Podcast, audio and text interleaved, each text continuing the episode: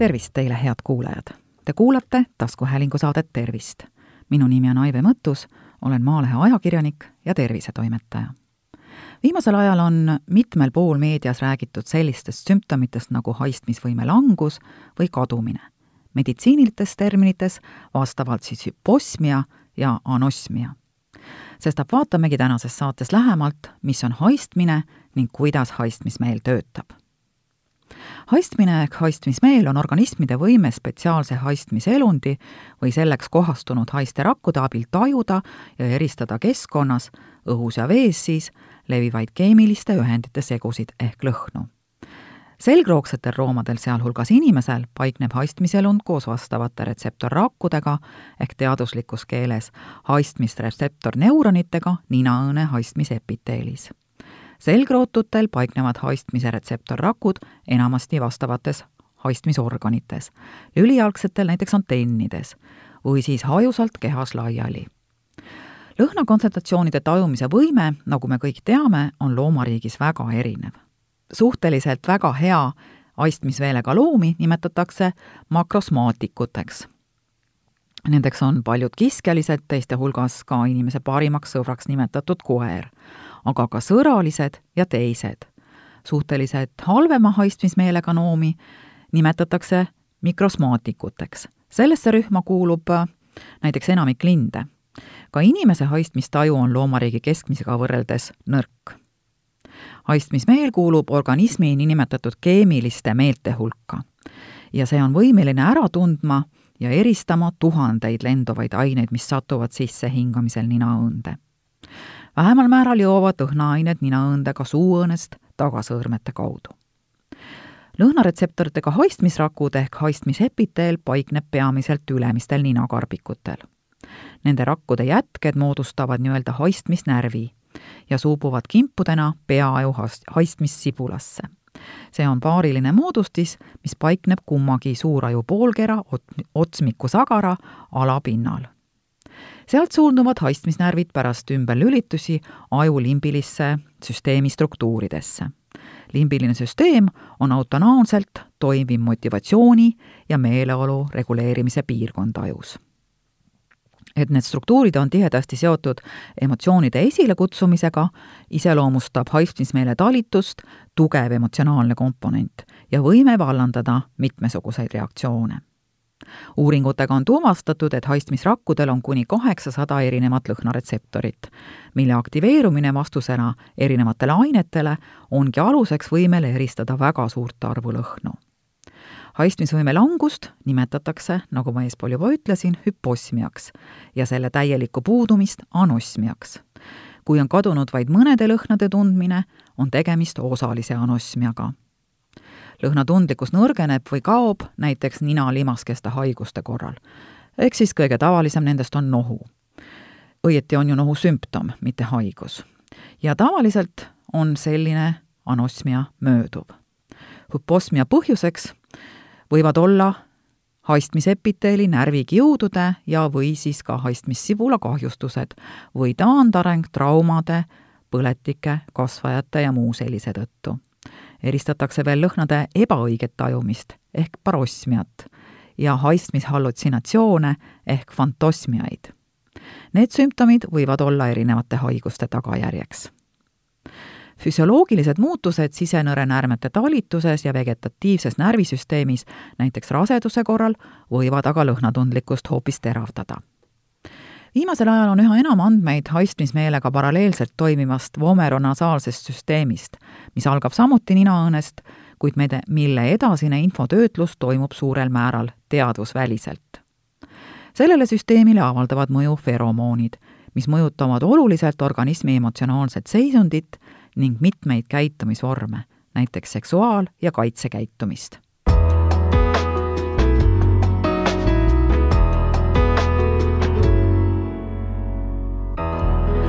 kas haistmismeel on vaid luksusmeel, millega naudime rooside ja punase veini aroome, küsitakse ajakirja Imeline teadus kahe tuhande kuueteistkümnenda aasta maikuu numbris.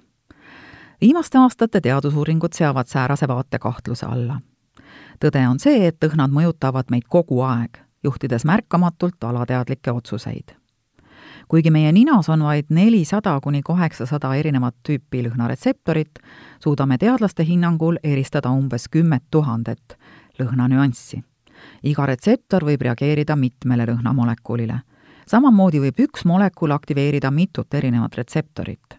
näiteks kohvi lõhna ja ninas asuvate retseptorite vahel on arvukalt kombinatsioonivõimalusi. seetõttu suudab aju märgata väga iseäralikke ja nüansirikkaid lõhnu. Inimese lõhnataju on väga individuaalne ja muutub ka elu jooksul. vananedes, meeldib see meile või mitte, käib haistmismeel alla, sest kõrgesse ikka jõudes hakkavad nina nime, nimetatud lõhnarakud, kus lõhnaretseptorid asuvad, surema see protsess algab tegelikult juba üsna noores eas, alates kuueteistkümnendast eluaastast ja teadlased arvavad, et viiekümnendates eluaastates inimesed on kaotanud lausa kaks kolmandikku nendest õhnarakkudest, mis neil olid olemas kolmekümnendates eluaastates. ent isegi, kui haistmismeel ei ole kõige teravam, saab seda treenida lõhnu paremini eristama professionaalsete parfüümivalmistajate tundlik nina ei tulene mitte sellest, et neil oleks sõõrmeis rohkem lõhnaretseptoreid, vaid pigem asjaolust, et pikaajaline treenimine on loonud nende ajus uued neuronite vahelised ühendusteed. parfüümimeistrid võivad lõhnu seega enda ees näha justkui sisemiste piltidena, mistõttu nad suudavad kiiresti märgata isegi väga väikeseid erinevusi või tajuda, milline nüanss on lõhnast puudu haistmismeele puhul on eriline veel see, et suur osa närvisignaalidest läheb täiesti töötlemata kujul otse neisse ajupiirkondadesse, mis tegelevad mälu ja põhiliste tunnetega, näiteks nagu hirmuga. seetõttu võivad lõhnad mälestusi ja meeleolusid esi, esile kutsuda veel enne, kui meie teadvus lõhnu märkab. näiteks võib olla aju talletanud ühe väga erilise lõhna, mida tundsime kunagi puhkusereisil ühes väikeses Kreeka restoranis kui palju aega hiljem tunneme koduköögis toidust hoovamas samasugust vürtsikat lõhna, vallanduvad mälestused omaaegsest romantilisest õhtusöögist, meenuvad sellega seotud tunded ja mõtted. ja kõik see juhtub ilma teadvuse sekkumiseta. kinnisvaramaaklerid teavad ju väga hästi, kuidas lõhnad meie alateadvust mõjutavad. kui maja on müügis ja potentsiaalsed kliendid tulevad seda vaatama, soovitavad maaklerid sel päeval saia küpsetada sest saia küpsetamise hõrk lõhn paneb võimalikud ostjad end hästi tundma ning nad on märksa varmamat kaupa tegema. Colorado ülikoolis läbi viidud uurimuse järgi suudetakse lõhnu ära tunda, sest erinevad lõhjad ajus osalevad ajupiirkonnad vahestavad vastastikku infot, vahendab Tartu Ülikooli teadusportaal Novaator ajakirjas Neuron ilmunud uurimus põhines nelja aasta jooksul hiirtega tehtud katsetel ja eksperimendid näitasid, et kõigepealt jõuab lõhnasignaal ajus haistmissibula nimelisse piirkonna, mis, nagu ma juba ütlesin, asub otsmiku sagara all. seejärel suunatakse info edasiseks analüüsimiseks ajukoorde. kuid selle juures avastasid neuroteadlased midagi üllatavat, nimelt haistmissibula ning ajukoore vahelise tiheda vastastikuse suhtluse algselt äh, arvati, et haistmissibul nii-öelda filtreerib väliskeskkonnast saadud lõhnainfot ning lõplik otsus, et lõhn ära on tuntud ja toit selle põhjal sööda või mitte, tehakse ajukoores. kuid info liikumine pole siiski nii lihtne. haistmissibul töötleb infot ja saadab selle ajukoorde ning edasine infotöötlus toimub nende kahe piirkonna koostöös. alles seejärel tehakse lõplik otsus ajus amastus aitab selgitada, kuidas haistmismeel sorteerib ja liigitab tuhandeid lõhnu, mida imetajad, sealhulgas ka inimene, iga päev tunnevad. kuna teame haistmise kohta suhteliselt vähe siiski, kipub inimene seda meelt alahindama, arvates, et võrreldes teiste loomadega pole lõhnad talle kuigi olulised samas on juba aastaid teada, et ka inimesed toodavad feromoone, mis võivad mõjutada paarilise valikut. samuti aitab lõhnataju eristada värsket toitu riknenust no seda teame me küll kõik. haistmine erineb teistest tajudest, sest see on ainus meel, kus info töötlemine ei toimu ainult vaheaju taalamuse piirkonnas. lõhnasignaalide ajusse jõudmine täps tee, täpne teekond on seni siiski veel olnud selgusetu ja viis, kuidas nad reaktsiooni esile kutsuvad, pole ka eriti teada seda hoolimata sellest, et mõne aroomi puhul tekitatud emotsioonid võivad olla vägagi eredad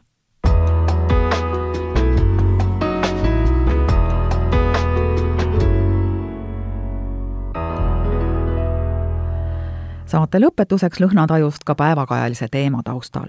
lõhna- ja maitsetaju häired koroonaviirusesse haigestumise korral. lõhna- ja maitsetaju häired esinevad, nagu eespool öeldud, paljude ülemiste hingamisteede viirushaiguste korral. hinnanguliselt on respiratoorsed viirushaigused anosmia põhjuseks koguni neljakümnel protsendil juhtudest seni kogenud, kogunenud andmete põhjal esineb anosmia sagedasti ka Covid-19 haigetel. Lõuna-Korea andmeil esineb seda kolmekümnel protsendil, Saksamaa andmeil aga koguni kahel kolmandikul positiivse koroonatesti andnud isikutest. maailma Terviseorganisatsiooni hinnangul kirjeldatakse Covid-19 haigetel sagedasti anosmiat, kuid selleks, et see sümptom tõestatud Covid-19 sümptomiks lugeda, on tänase päeva seisuga siiski veel liiga vähe andmeid. Ühendkuningriigi kõrva-nina-kurguhaiguste assotsiatsioon juhib meedikutele saadetud märgukirjas tähelepanu sellele, et positiivse SARS-CoV-2 testiga isikutel, kel ei ole teisi infektsioonile viitavaid nähtusid või neid on vähe väljendunud, esineb sageli lõhna- ja maitsetaju häireid sestap soovitataksegi Covid-19 leviku piiramise eesmärgil jätta isikud, kel on puhangu ajal kujunenud anosmia, seitsmeks päevaks karantiini ka juhul, kui neil puuduvad teised haigussümptomid. head kuulajad, te kuulasite taskuhäälingu saadet Tervist.